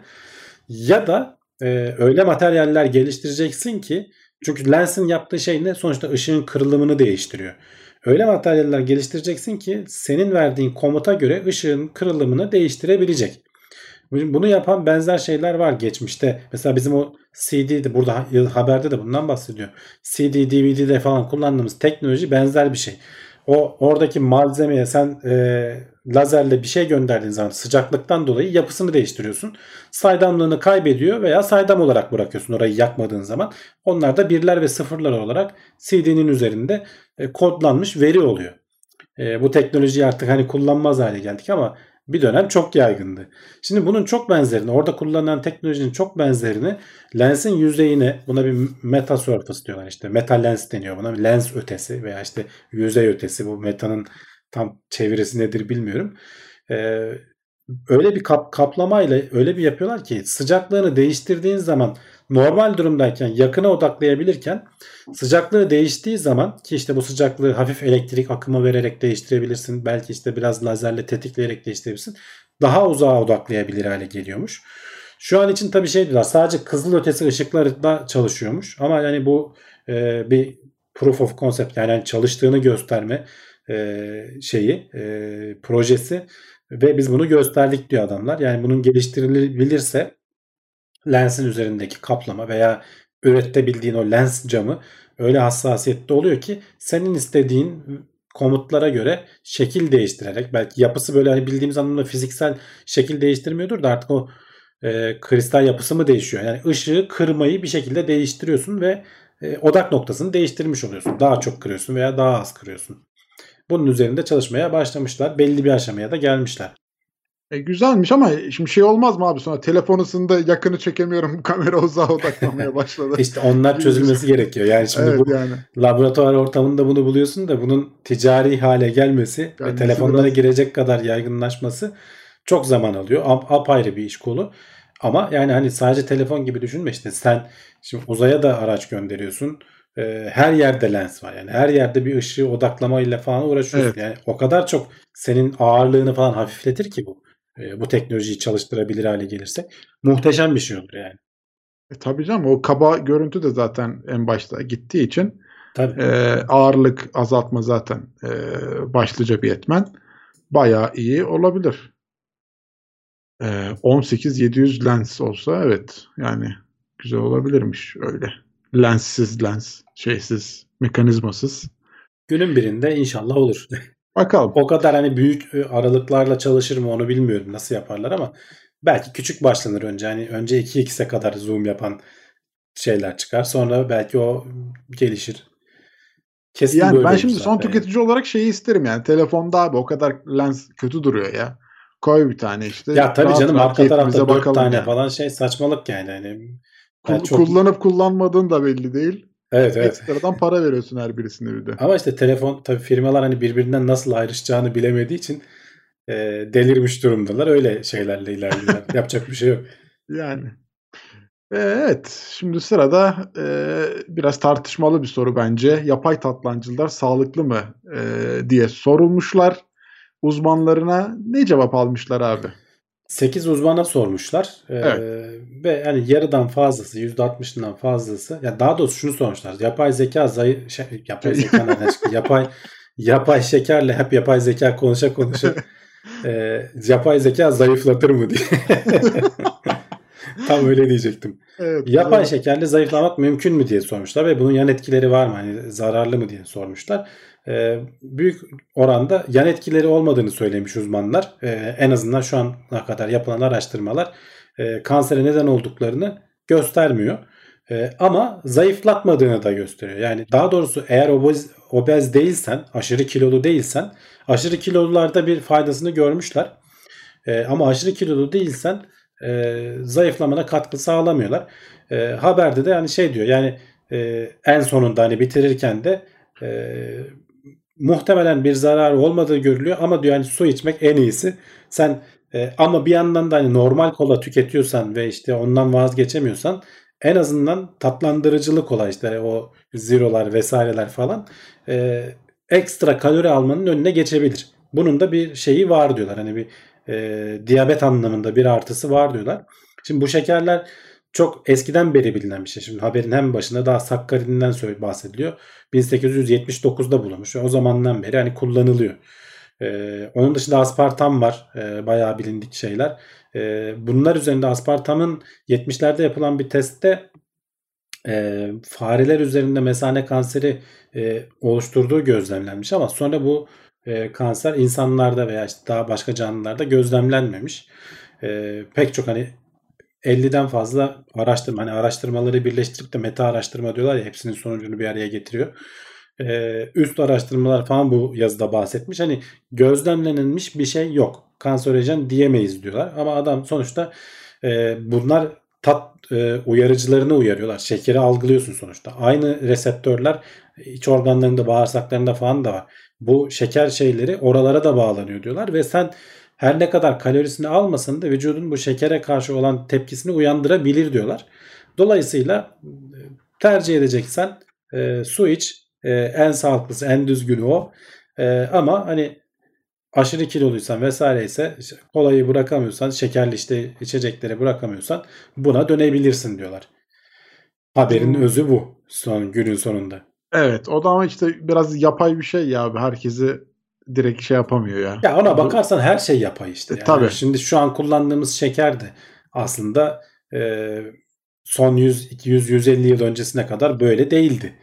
E, Pancar şekerinden geliyordu. Onları da evet yani o eskiden daha daha da eskiden işte hani şeker dediğin meyvelerden falan alabildiğin bal mal gibi böyle doğal yiyeceklerden alabildiğin bir şeydi. Yani e, onun dışında şeker çok pahalı bir şey yani. Şimdi öyle değil tabii. Bizim bu- bunlar da yapay. Yani ona bakarsın. E Yani arının yaptığı bal bile şekerden aldığı özütle yapılıyor bazen yani. Ar- Arıya şeker veriyorlar. Evet, Yesin evet. de tatlı olsun diye yani. Dediğin gibi evet öyle zamanlardan geçiyoruz açıkçası. Ee, şey demişler yapay şeker yiyince çok insülin salgılayıp hemen acıkıyorsun. Ya işte o şey olabilir. Ee, normal şekerden farklı. Yani normal şekerde de aynı şey. Ee, sadece yapay şeker burada hani haberde de bahsedilen e, normal gerçek şeker kadar etkiliyor mu etkilemiyor mu? Yani ondan daha az da etkiliyor olabilir. En az Hı hı. onun kadar da etkiliyor olabilir. Üstü olduğunu düşünmüyor uzmanlar. Daha fazla etkileyip de hani sistemi bozduğunu düşünmüyorlar. Ee, kanser yaptığını da düşünmüyorlar. Hani en azından araştırmalar bunu göstermemiş. Hani bu kola içenler falan en azından hani biraz belki işleri bir nebze rahat olabilir diyeyim. Ee, buradaki uzmanların söylediğine göre ben onların yalancısıyım. Ama en iyisi e, bu tarz şeyleri e, tüketmemek. Asitli içecekler, e, meyve suları vesaire mümkün mertebe az tüketilmeli. Evet. Stevia diye bir bitki varmış abi. Bilmiyorum. Stevia'yı duydum evet. Evet. e, neymiş? Tat veriyormuş. Kalorisi de yokmuş. Ya o da işte bir çeşit. Yani bu tatlandırıcılardan biri muhtemelen. Ya bu tatlandırıcıların birkaç çeşidi var. Bir şekere benzeyen alkoller deniyor. Ee, bir de işte aşırı tatlı küçük moleküller işte bu aspartam, sakkarin onlara giriyor. Ee, bunlar hep ya ağızda aynı tadı veriyor sonuçta. Aynı reseptörlere bağlanıp ama kalori içermiyor. Vücut bu şekere benzeyen e, alkoller dediğimizde e, vücut tarafından daha az metabolize ediliyormuş. Yani onlar da tatlı veriyor. Zaten temelde de şeker. Ama metabolizması vücudun kullanma şeyi daha az oluyormuş. Ee, stevia tam olarak hangisi bunların bilmiyorum ama ismini duydum. Ee, şeyini bilmiyorum. Ayrıntısını bilmiyorum. Hı hı. Evet. Bakmak lazım. E, haberlerimizi bitirdik bu hafta. E, ama tabii ki bir yere gitmiyoruz. Kulis bölümümüz var. Biraz sohbet edip soru cevaplayacağız. Evet. E, o, o zaman kimse bir yere ayrılmasın. Hemen, Hemen. geliyoruz. Hemen geçiyoruz. Şöyle bakıyorum yorumlara bakalım neler var. Evet. Stevia'nın ayrıntısını anlatın bakalım neymiş ya merak ettim ben de bilen Fatih varsa. Ertekin ben aşırı şeker kullanıyorum. Normalde bir içeceksem 3 içiyorum demiş. Ya işte şekeri genel olarak azaltacaksın. Yani çayla falan içiyorsanız ben de eskiden çok şekerli içerdim çayı. Azaltarak gidiyor. Yani 3 şeker koyuyorsan 2 koy. Bir ay öyle devam et. Sonra bir koy. Bir ay öyle devam et. Sonra hiç koymadığın zaman bir bakmışsın alışmışsın yani. Yapılabilir bir şey. Gereksiz yere almayın. Ee, mümkün mertebe kendinizi koruyun. Zaten hani dayanamıyorsun şimdi. Yeri geliyor baklavayı getiriyorlar önüne. Yiyorsun yani orada. Ya ama bak baklava da yenir be. Ha, ya. yani tamam Ya işte. Gece gece şimdi şey yapma. fırsatını yani şansını o tarz şeylere saklayacaksın. Aspartamlı baklava oluyor mu mesela? Denemek lazım. Onun tadı da bir garip aslında değil mi? Öyle şey olmuyor. Ya yapay şeker gibi olmuyor. sanki vardı ya öyle baklava gibi Sıfır kalori. ama Gerçi sıfır olmaz o sonuçta sıfır o olmaz. şeyin Hamur var abi. hamuru var evet. Evet. Yani o- Fıstığı mıstığı var. Sıfır olması mümkün değil ama en azından şeker herhalde ağırlıklıdır. Bayağı azaltırsın. Ama şeker de bazen kurtarıcı işte. Verdiği mesela enerji miktarı böyle yorulduysan. Evet. Umutcan'ın sorusu neydi ya hatırlıyor musun? Tekrar sor demiştik ama Tekrar yazsın bakalım ya. Şimdi şey yapamadım. zaman geçti unuttuk. Yani bayağı üstüne konuştuk. Sor cevapları sıkıntı yok. Bildiğimiz Yıllardır şeyse. şekersiz çay içiyorum ama tam alışamadım. Ya işte koyu koyuyorsundur belki acı geliyordur. Az git git onu da açmaya çalış. Hani fazla da fazla çay da zararlı gibi en sonunda herkesi şeye çevireceğiz. Suya çevireceğiz böyle azalta seyrelte seyrelte. Homeopati, homeopati gibi yani aslında çay bu şeyle boş su bardağını veriyorsun ama bu çayla esanslandırılmış işte bunun Wow. içinde e, bir atom çay var diye. Yeter abi ne yapacaksın ya? Yani aslında en iyisi su. Bir şey de yemeyeceğiz. Su mu içeceğiz? Su diyeti mi? Öyle bir şeyler varmış. Ya evet yani bir şey yememek tabii olmaz. O mümkün değil de e, su içerek şey yapabilirsin. Ya suyun bile artık çeşidi var abi. Musluk suyu açayım da bir kana kana su içeyim diyemiyorsun ki pH'ına mı bakacaksın, mineraline mi bakacaksın? Ya işte fazla takmayacaksın kafaya. Su siparişi vereceksin adam o diyor farklı marka diyor bunun diyor pH'ı bilmem kaç öbürü şu. Fazla takmayacaksın ya eskiden şunda değil mi? 50 sene önce herkes Ya musluktan mu içiyordu. varmış? Bir şey olmuyordu. Şöyle yani. dere akarmış millet şeyle içermiş eliyle yani. Ne güzel. Dereden akan su. Akan su kir tutmaz diye. Hiç tutmaz diye iç abi ne olacak ya öyle. Öyle olmuyor tabii. Biraz böyle 3-5 metre ileride e, mesela suya düşüp ölmüş bir canlı varsa oradan bütün bakterileri alıyorsun. Hepsini içtin işte. Heh. Bir, bir belgesel gibi bir şey daha var. Şu hayatta kalma uzmanları var ya böyle e, ormana salıyorlar bunu. E, bir şeyler yapıyor oradan işte kurtulmaya çalışıyor falan. Discovery'de falan. yakalıyor onu He, he, falan. onlardan birinde mesela şey yapmıştı adam. Şimdi bir su birikintisi buluyor. E, oraya belli ki yani canlılar falan düşmüş, ölmüşler. Bu diyor ki bu su diyor yani içersem diyor iki gün içinde ölürüm diyor yani bakterilerden falan. Bunu diyor arıtmamız lazım. Nasıl arıtacaksın?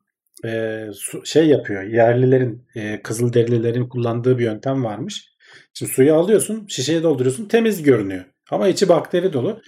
E, şey taşları ısıtıyor. E, bir ateş yakıyor. Taşlar bayağı böyle e, çok büyük oranda şey tutuyor. E, enerji tutuyor. Bayağı sıcak oluyor. O taşları bir şeyle böyle suyun içerisine atıyor. Su böyle fokur fokur kaynıyor. Tabii küllü müllü bir taş attığı için suyun rengi böyle griye dönüyor. Az önce şey diyor. e, berrak ama şeyli hastalıklı bir suyum vardı diyor. Şimdi e, bulanık ama temiz bir suyum var diyor. Adam onu e, biraz da tabii süzüyor. Bir süzmek için de bir şeyler yapıyor. Öyle içiyor. Yani kaynatmak önemli o bakımdan. Yani zorda Tabii. kalırsanız hani su tabii hani ölme noktasındaysan her türlü bulduğun suyu içersin. O ayrı konu da. Tabii orası farklı bir şey. O anlattığın şeyi ben de izledim bu arada ya. Yani e, ama kimdi hatırlamıyorum. Ed Stafford muydu? Bear Grylls. Hı, Yani onlardan biri Adını, hat- herhalde. adını şimdi bilmiyorum da yalan da olmasın yani. Ee, Umutcan'ın sorusunu cevaplayalım abi de. Demiş ki Ne lise demiş? uzay bilim teknoloji konularında meraklı bir öğrenciyim. Sizin öğrenebileceğiniz kitaplar nelerdir? Çok fazla formül vesaire girmeden benim seviyemde kitaplar önerseniz Ya- çok sevinirim. Ya şöyle e, şimdi hani o şeydeyken yazışmaları da gördüm. Stephen Hawking'in kitaplarını Hı hı. falan önermişler ama onlar bile karışık mı? Ben çocuk gençken okuduğumu hatırlıyorum. Ee, işte kısa tarih işte zamanın kısa tarihiydi değil mi şeyin ismi? Yani kısa değil gene bayağı içinde şey var. Çünkü bunu başka türlü anlayamıyorsun. O yüzden e, şeyin kitapları çok iyi. iyiydi eskiden hala yayınlanıyor mu bilmiyorum ama en kötü sahaflarda falan bulursun. TÜBİTAK'ın bütün seriyi okuyabilirsin yani. Ne, ne bulursan al oku oradan ilgini çeken. Ee, çok güzel kitapları vardı. Ee, onun dışında şey yapılabilir. Ee, internette çok güzel YouTube kanalları var. Konuyu da çünkü çizerek animasyonlarla falan anlattığı için kitaba Daha göre çok daha şey oluyor. Onları anladıktan sonra mantığını biraz kaptıktan sonra kitaplarla devam edebilirsin. Ee, çok şey güzel kitaplar oradan çıkıyor. Ee, şeyler animasyonlar YouTube'dan. Kitaplarda dediğim gibi hani TÜBİTAK'ın falan şey kitapları, eski kitapları hala var mıdır bilmiyorum. Yani şu Onlara kitaptır diye lazım. önerebileceğim tek net bir şey yok ama. Böyle arkamda yani bir sürü de kitap var ama hangi birini önersem bilmiyorum yani. Şey yapalım bir tane. Hamdi Kelleci ondan seçmeler diye. Ya mesela aklıma gelen şurada beğendiğim dediğim gene TÜBİTAK'ın kitaplarından biri Dünyayı Değiştiren 5 Denklem miydi? Öyle bir ismi vardı. Ee, hikaye anlatır gibi. İçinde işte Newton var, Bernoulli var. Ee, bu adamların bulduğu şeyler niye değiştirmiş falan onları da anlatıyor. Ee, o mesela güzeldi. Aklıma o geldi şu anda. Onu araştırıp bakabilirsin. Ee, Moskova'dan selamlar var. Bizden de selam Evet olsun. şey diyor bak Hacı demiş ki e, zamanın daha da kısa tarihi diye bir versiyonu da var demiş. Ya evet de ne kadar kısaltsan da bir yerden sonra iş karışıyor yani. Biraz çabalayacaksın. Ne kadar yani bu iş kolay değil. Ama en basitinden başla. Çabalaya çabalaya bir yerden sonra anlamaya başlıyorsun.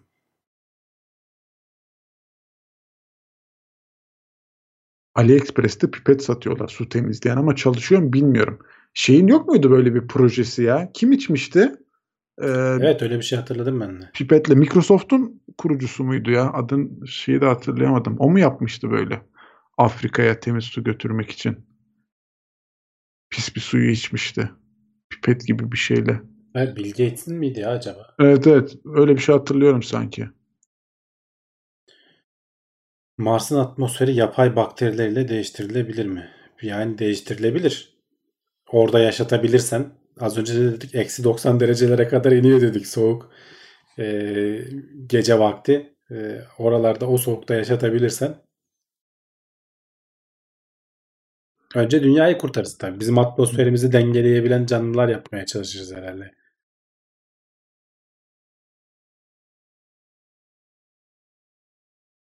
Ha, Bill'miş.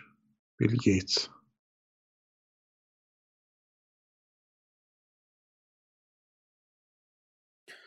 Malzeme bilimine de merak salabilirsin demiş. Bambaşka bir alan ve insan sayısı çok az. Ya malzeme bilimi hakikaten çok değişik bir alan. Yani malzeme her şeyle uğraşan bir şey olduğu için malzeme. Hı hı. Ee, bizde biraz hani metalürji deyip geçiliyor hep böyle sanki böyle demir döken adamlar falan. Metalurji Ee, ve yani- malzeme evet. Ama malzeme yani malzeme mühendisliği asıl orada. İşte az önce konuştuğumuz e, o meta e, şey yüzeyine kapladığın o e, merceği yapan e, hareketli parçası olmayan merceği yapan şey işte tam malzemecilerin geliştireceği bir iş yani o. Evet. Nanoteknoloji bilmem ne falan bir sürü farklı farklı dalı şey olabilir. Yani malzeme olarak malzemeci olarak her alanda şey bulursun. Bayağı bilimin şeyi oluyor. Göbeği olabiliyor. Okul zamanında böyle yüzeysel görmüştük ya biraz ama tabii bizimki biraz da makine mühendisliği olduğu Ya için ben o de alanda söyleyeceğim. İnşaat mühendisliğinde de mesela malzeme dersimiz vardı bizim. Çünkü perlitik kullanıyorsun sonuçta yapılar yani. falan vardı böyle. O malzemenin nasıl, o betonun falan nasıl davrandığı, çeliğin nasıl şey yapıldığını Hı hı. falan hani sana onu anlatıyor ama tabii bir malzeme mühendisliği kadar işte bizde mesela termodinamik falan yoktu mesela. Sende vardır tabii. Bizde vardı evet. En sevildiğimiz ders termodinamik. Formüllerin içinde kayboluyorduk ya. Ne günlerdi. Bill. Gates'in kendi arıtma cihazı vardı. Ee, hem elektrik üretiyordu şehrin e, kanalizasyonundan. Kendi elektriğini kendi üretiyor. Sonunda da arıtıp sana su veriyor. Yani o hatta şu anda çalışıyor galiba. Kenya'da mıydı? Bir yere kurmuşlardı.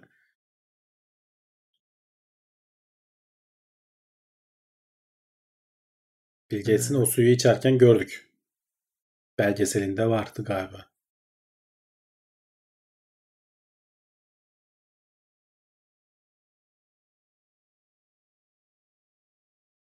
Malzeme mühendisliğinden başlayıp şu an İspanya'da bir araştırma merkezinde enerji depolama sistemleri üzerine çalışıyor. Güzel. Yani pil falan gibi mi daha nasıl oluyor ki enerji depolama? Hangi alanı? Olabilir. Pil. Zaten enerji depolama Ha. dediğin pil. Yani nasıl depoluyorsan depola bir şekilde. Hayır mesela şimdi şey var. Yani Ee, yayla da enerji depolarsın da ha, evet evet hani öyle çok türlü alanları önemli var değil yani sonuçta hani pil deyince aklına şey gel hemen tabii kimyasal piller geliyor bizim aklımıza ama enerji depolama dersen hani onu da bir çeşit e, ki pil diye düşünebilirsin. Ya mesela ben şeye çok şaşırmıştım o, o zamanlarda. E, bu mesela fazladan üretilen elektriği depolamak için e, bu türbinlerden akan suyu tekrar yukarıya pompalıyorlar ki daha sonra işte onu tekrar aşağıya salıp orada üretilen enerjiyle tekrar kullanacaklar şeklinde. Evet. Hani öyle tesisler vardı. Ya o zaman böyle hani bakınca e, şey zamanımda okula böyle ilk başladığım zamanlarda böyle örnekler verince çok şaşırmıştım. Dedim ne kadar mantıklı yani. Boşa gitmesin diye suyu tekrar yukarı pompalıyor.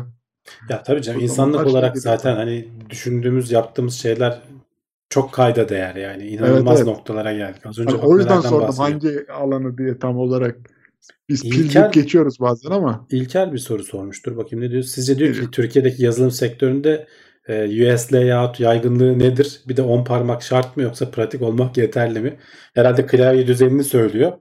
Bilmiyorum ne kadar yaygındır. Ben mesela Türkçe kullanıyorum. Elim ona alıştığı için. E, şeyler yazılım geliştirirken İngilizce yani Amerikan klavye düzeni kesin daha avantajlı. Çünkü bütün diller ona göre geliştirilmiş. İşte tırnak işareti koyarken, nokta koyarken bilmem ne falan tek tuşa basıyorsun. Bizde mesela e, Alt GR ile bilmem neyle falan Shift'le Mift'le habire uğraşmamız gerekiyor. Ama ben alışmışım. Ben hani eskiden çeviri yapardım bol bol. O yüzden Türkçe klavyeye çok alışmışım. 10 parmak bilmen gerekmiyor ama hızlı yazsan ya çünkü hani şimdi yazılımda da böyle oturup böyle filmlerdeki gibi böyle takada takada takada yazmıyorsun.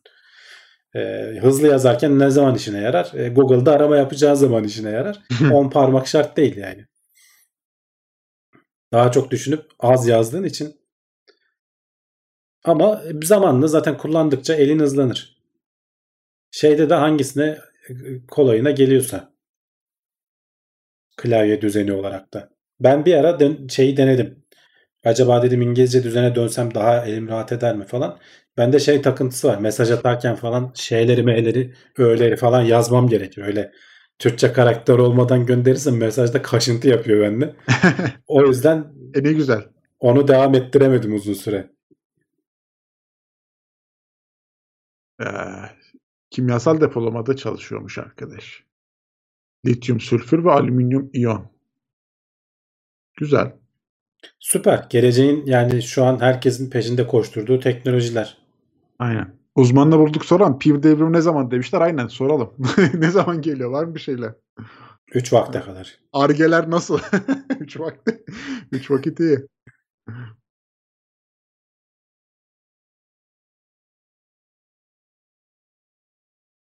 Hmm. Şey var mıydı ya ben bir haber yani on- onunla mı alakalı gördüm emin değilim ama böyle bir programlamaya özel bir klavye yapmıştı sanki biri. Baya böyle dile dil değildi ama Bilmiyorum. Hani İngilizce ya da Türkçe gibi böyle bir şey değildi de programlamaya özel mi yaptım demişti. Ya da ben çok başka bir ya konuyla çok da zorlamanın gösterdim. alemi yok canım. Yani Bence de yok da. Oturup yazıyorsun işte yani o kadar da dediğim gibi çok da yaz, yazıyla böyle takır takır takır yazdığım bir şey değil. Yani daha çok düşünüp iki satır yazıyorsun. Sonra düşünüp iki satır yazıyorsun. Sonra bir Google'dan arama yapıyorsun. Kopyala yapıştır yapıyorsun oradan falan filan. Yani böyle e, o kadar da şey değil. Serkan Demiroğlu demiş ki SMS atarken bayağı kontürün gitmişti. Evet. Türkçe Evet, karakterler daha çok sayılıyordu değil mi? O zamanlar öyleydi ya. Ya şeye falan da şimdi mesela bazen e, WhatsApp gruplarında falan yazanlar oluyor. Adam yazmış gitmiş tamam mesela hiç düzeltmemiş. Hatalı yazarsan düzeltmezsin ya geri dönüp. Ben Evet. mesela dayanamam yani. O yüzden bir mesaj atmam benim 2 dakika sürüyor. Yani adam 10 saniyede 4 tane mesaj atıyor. Tamam paldır küldür atıyor. Hiç anlaşılmıyor. E, daha doğrusu anlaşılıyor. Bir derdini de bir şekilde de ifade ediyor aslında adam. E, ama ben yapamıyorum onu. İşte orada takıntı yani onu. Ben Ya- bir şey yazdığım zaman orada yanlış olursa dönüyorum oraya. Onu siliyorum, düzeltiyorum falan. Valla benim arkadaşlar benden çok şikayetçi. Hatta yani bana böyle şey yapıyorlar tercüman tutup sen ne dedin diye çevirmeye çalıştıracaklar yani bazen. Bir arkadaş benim dilimden çok iyi İşte bak anlıyor bunun yapay yazdıklarımı. zekası yapılabilir mesela. Bunu öğrenip de düzeltmeye çalışan. Ee, Onu çağırıyorlar genelde. Onu tagliyorlar. Volkan ne demiş bize tercüme eder misin diye. Ben çok hızlı yazdığım için. Bir de genelde klavyede tuşları tutturamayan bir tipim yani. Ya klavyede ben de yani mobil Aha. klavyede tuşları ben de pek tutturamıyorum. Şeyde ama normal klavyede idare ederim ya. Orada yazarım düzgün. Bakalım. Ee, yeni klavyeler çok akıllı. Telefonda yazmak çok kolay. Valla bilmiyorum ya. O sanki hepsi öyle değil ya. Bir de büyük parmaklılar için eziyet. Telefonda yazı yazmak. Evet. Kimisi Şu de- aralar çektiğim bir şey sıkıntısı var. Ee, daha önceden yoktu. Mesela şimdi çalıştığım yerde bizim patron yabancı. İngilizce konuşuyoruz onunla. Hı? Ee, diğer ekip elemanlar falan Türkçe konuşuyoruz. Yani ortak gruplar olduğu zaman e, şey düzeltmiyor.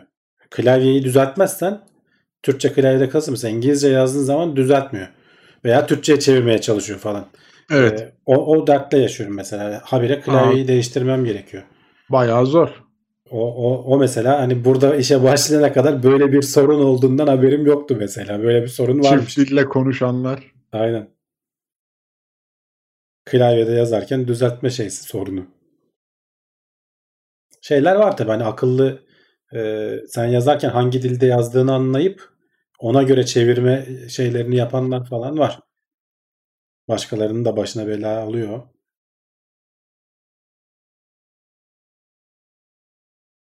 Gençler mesaj atarken bakmadan yazıyor şimdi. Öyle tipler de var evet. Twitch yayınlarında görecek miyiz diye sormuşlar. Ya zamanım olmuyor benim. Olsa aslında o şey yapmak isterim yani katılmak isterim. Ee, ama bir de koptum gittim ya. Eskiden Battlefield falan oynardım ama şimdi bu. Siz ne oynuyordunuz? Biz Rainbow Six oynuyoruz abi Murat abiyle. Aa, Murat da ona takıldı kaldı. Geçen başka bir oyun oynuyordunuz ya. Call of Duty'nin bir versiyonu vardı. Ha War, Warzone oynuyorduk Ha, da. Warzone oynuyordun. Hı hı. Ondan vaz mı geçtiniz? Yani onu biraz ara verdi ya. Çok oynadı. Rainbow Six Siege oynuyorduk. Ondan sonra da şu şey çıktı ya. eee, neydi? Oyunun da adını unuttum.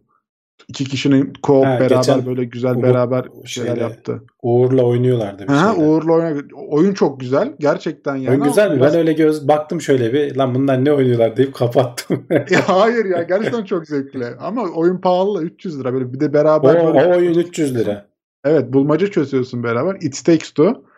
Ha It Takes Two evet. Takes Two. Doğru söyleyeyim de dilim dönmüyor bazen. Ee, bayağı eğlenceli ya bilmiyorum. İzlemesi de çok zevkli. Hatta devam edecekler yani bu arada şey e, hiç izlemeyenler varsa Twitch'te e, gelsinler. Zevkli olur yani. Seni de benim kanala konuk alayım abi bir gün. Beraber Biraz. seninle ne oynayabiliriz ki bilmiyorum. Bilmiyorum. Evet onu Yok işte şey falan Şey aslında oynarız. biraz öğrensem. Satranç oynayalım abi beraber. Ya Olmaz canım.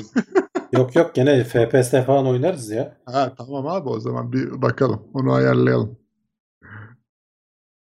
Yaparız. Biraz öğrenmem lazım sadece orada taktikler falan.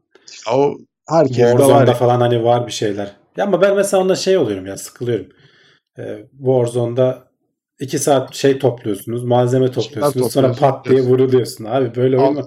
Battlefield öyle değildi mesela. Ben Bayağı Battlefield 4 hayranıyım ya. Şimdi yenisi çıkacak işte hep geçmiş zamanlara gittiler. İkinci Dünya Savaşı falan filan da şöyle modern bir Battlefield bir gelse şeyler de- görelim diyorsun. Evet ya bir uçak atı, aslında. atışı yapmak istiyorum Ya diyorsun. çok istiyorum ya. Ben Battlefield 4'ten sonra çok boşluğa düştüm yani. Hani arkadaşlar da gelmiyor artık çok eskidi diye.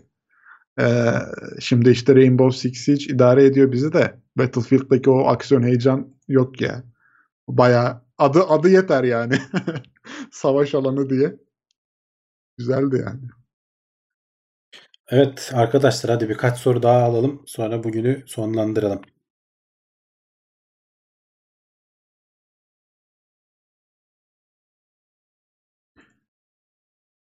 Sen sevdiğin oyunu tek oyna birilerine gerek yok demiş. Olabilir aslında ya yani ama zaman olsa zaten çocuklar hanım kızıyor bize zaman ayıramıyorsun diye. Bir de oyun oynasam herhalde. Değil mi? En son oynadığım oyun şeydi. Ee, Red Dead Redemption'dı. Onu da E, çok be- abi. çok beğenerek oynadım yani. Güzel. Ya kimileri şey seviyor böyle e, solo oyun oynayayım, kafa dinleyeyim. Kimileri arkadaş ortamında beraber rekabetçi bir şeyler yapalım seviyor. Ben mesela çok böyle hikayeli oyunlara nedense içine kendimi çok alamıyorum ya. Böyle daha rekabetçi bir adam oynayış stilim var yani. Bak Furkan Selek demiş ki popüler bilim yayıncılığı zor mu? Kendinizi yetersiz hissettiğiniz zamanlar çok oluyor mu? Yani popüler bilim yayıncılığı yani kolay bir şey değil. Çünkü bir Kesinlikle kere konuyu değil. anlaman lazım. Yani okuyup e, şey yapıp zaman harcayıp bir süre sonra ama hani çalıştıkça okudukça falan bu konuya meraklıysan e, sen kendin de merak ediyorsan kolaylaşıyor.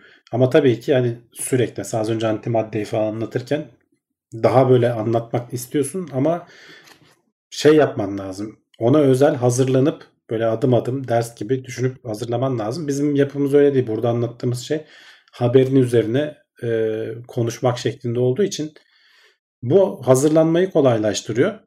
Ama anlatırken de işte eksik noktaların kalmasına falan neden olabiliyor. Yani. Hayır mesela şöyle bir şey de var. Ee, mesela televizyonda bile genelde o konunun özel bir konuğu oluyor yani. O alanda uzmanlaşmış biri gelip anlatıyor. Ee, sen burada gerçekten abi hani her konuda e, yeterli bilgiyle bizi gayet Bak Mert aydınlatıyorsun. yani. Altıparmak güzel fikir verdi. Oğlanı da yanına alıp oynasana. İyi bahane olur oynamak istiyorsan demiş. Bak güzel fikir. Olabilir. Evet. Şu onun da yani hemen yanımda buradaki bu bilgisayarın yanında onun da bilgisayarı var masaüstü. Benim eski bilgisayarı ona verdim. Ee, bir oyuna aslında girip iki kişi zaten o da isteyip duruyor oynayalım diye. Yapılabilir yani. Neden olmasın? Ben de ben de şey yaptım ya hanım kızıyor diye işte yayıncılığa başladım dedim. İzleyiciler beni istiyor ekran karşısında görmek istiyor. Kusura bakma dedim yayın açıyorum oyun oynayacağım zaman. öyle idare ediyoruz. Şimdi izliyordur az sonra yayından sonra gelip kulağımı çeker öyle mi Çeker. yapıyorsun diye. Ama yok ya bana da şey oldu ya güzel eğlence oldu yani. VR başlık denediniz mi? Ben de şeyin vardı ya Samsung'un telefonda kullanılan bir modeli vardı. Teknoseyir'e de gelenlerden denedik. Ee, yani bazı oyunlarda kendini kaybediyorsun hakikaten. Yani o özellikle zombili oyunlarda falan e, hatırlarsanız hangi bir, yani bir videosu da vardı bize. Levent'in falan böyle oynadığı bir video vardı. Ee, onu biz de deniyoruz tabii o zamanlar ofise geldiğinde. Yani o zombi ben zaten korku filmlerini falan da sevmem. Böyle aşırı tepki Ha, zıplayarak böyle. onu zombili VR adamı şey yapıyor yani kalpten götürür arkadaşlar. Yani. değil mi? Ee, onun dışında hani- ama bir işte şey yapıyor ya doğal gelmediği için bir türlü o şey olmadı. Yaygınlaşamadı yani insanı yoruyor bir yerde. Ee, ama çok güzel şeyleri var. Ee, ne denir? Oyunları var bazı. Evet. Ya bir de şey abi ilk yatırım maliyeti yüksek, kurulumu dert, alan lazım falan. O yüzden biraz eee, böyle yaygınlaşamadı yani bir türlü. Ama ben o e, Samsung'un telefonlarda kullanılan başlığında falan da eğlendiğimi biliyorum yani. O zaman tabii oyun Ya değil de daha böyle eğlenirsin. Kesin eğleniyorsun da işte bir yerden sonra şey oluyor, zor oluyor. Zaten muhteşem olsa şimdiye kadar çoktan daha yayılır giderdi yani. Bir türlü böyle şey yapıyor, patinaj çekiyor yani o o endüstri bir türlü alıp gitmedi.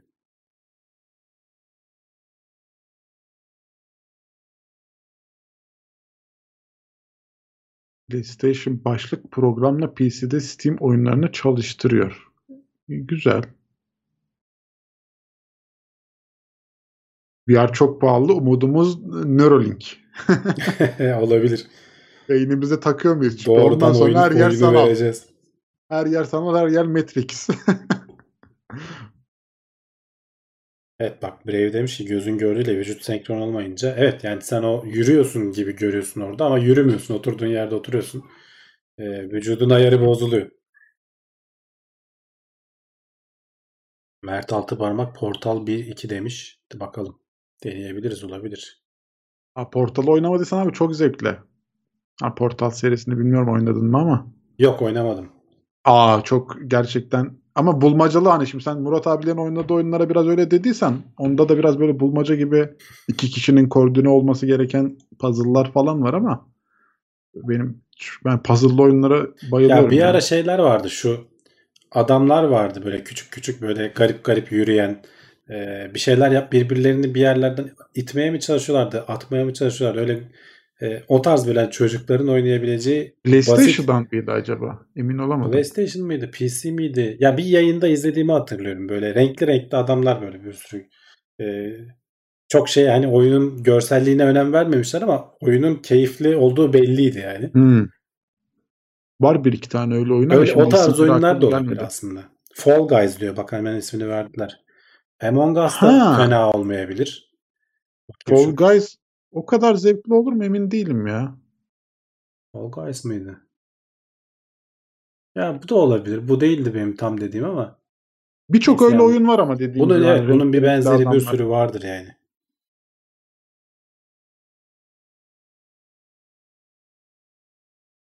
O zor çocuk için demişler. Evet. Teknoseyir'in popüler bilim bölümü var mı? Üniversitede çalışan birisini yazar alır mısınız? Yazar yazarlar olarak almıyoruz. Zaten Teknoseyir'de öyle bir yer yok. Ee, sen direkt yazmak istiyorsan blog olarak aç. Konularını yaz. Birileri takip eder. Altında güzel yorumlar olur. Kendini de geliştirmiş olursun. Evet bizde çok meraklı arkadaş var sitede. Benim oğlan 10 yaşında. Allah bağışlasın. Ona göre oyunları önerin. Teknoseyir'de ben konu açayım ona bakalım orada e, Gelir şeyler. önerileri alayım evet. O da deyip duruyor baba yayın yapalım seninle diye de dur bakalım. Oo Hamdi abi. Ha? Yayınlar başlıyor mu? Başlıyor Kanal, tek, kanal linkinle hemen paylaş da takip edelim bari. Teknoseyir'den yaparız canım. Ha tamam Twitch işte oradan. Teknoseyir'denmiş. Tamam, Başkaları arkadaş- da katılır işte. Yani sadece iki kişi oluruz diye düşünmeyelim. Age of Empires ne oynardık zamanında ya. Doom Eternal öneren arkadaşa burada sevgilerimi sunuyorum. Çocuğun psikolojisini mi bozacaksınız bu yaşta? ya GTA oynuyor muymuş abi? GTA oynuyor. Abi o hep çok tehlikeli ya çocukların psikolojisini bozuyor. GTA oynamadan önce onunla ilgili YouTube videoları izliyordu. Ha, o daha da tehlikeli. Kendi oynasın dedin değil mi sonra bunları izleyeceğine? Ya yo yani istiyor zaten. Ee, bari oynasın dedim sonuçta. Hani biliyor onun şey olduğunu anlattıktan sonra bunun bir oyun olduğunu, e, oradaki şeylerin gerçekte olamayacağını, e, hani orada yaptığın işte ne denir şiddeti falan gerçek hayatta yapamayacağız. Zaten öyle bir şey de gözlemlemedik. Hani bir ayarı bozulsa hemen yasaklardım ben de. Şeyi ayırt edebildi yani. Oyunla Oyundu. hayatı ayırt Evet, edebildi. Evet. Oyundur dedi yani. Ne güzel. Evet arkadaşlar hadi yavaştan kapatalım. Ee, var mı Şöyle böyle son yorumlara bakıyorum. son yorumlar, sorular varsa şey İşten yapalım. yeni gelenler var. Erkan Üstelik yeni geldim. Sizi izlemek ilk işim oldu demiş. Teşekkür ederiz. Başa sararsın. Evet artık dinlene dinlene izlersin bizi. Aynen. Aa geçen yayın he şey kendi kanalımı söylemedim hiç ya. Geçen yayın söyledim. Çok sağ olsun arkadaşlar. Neredeyse yarısı gelmiş takibe. Ee, gene onu da hatırlatayım. Benim Twitch kanalıma da dengesizi tersten yazıp yani Zisegnet yazarak ulaşabilirsiniz. Hatta şöyle dur. Linkini de atayım burada olan arkadaşlar Linkini için. at evet buradakiler de oradan şey yapsın. Ee, gelip bakıp takip etmek isteyen varsa oraya da bekleriz diyeyim. Ee, katı bir babamızın Hamdi abi demişler. Yani çok değilim ama hani sınırları da koyarım yani hani hiç katı olmadığım şeyden belli hani özellikle bu teknoloji vesaire falan gibi konularda bayağı rahatım ben serbestimdir yani. Ama bazı şeylerde de hani koymak gerekiyor sınırları. Tabii. Stabiliteyi sağlamak adına. Babalığın birinci vazifesi. Evet evet. Toplum şartları da tabii biraz şey yapıyor. Katı olmamızı gerektiriyor bazı konularda. Evet sanki bugünkü e, Evet haftaya gene akış buradayız. bitti. Nasıl her olsa. pazartesi olduğu gibi e, haftaya da bir aksilik olmazsa e, buradayız diyelim. Sorularınız varsa onları da biriktirin. Haftaya cevaplayalım. E, izlediğiniz için de teşekkür ederiz. Kendinize iyi bakın. Hoşçakalın.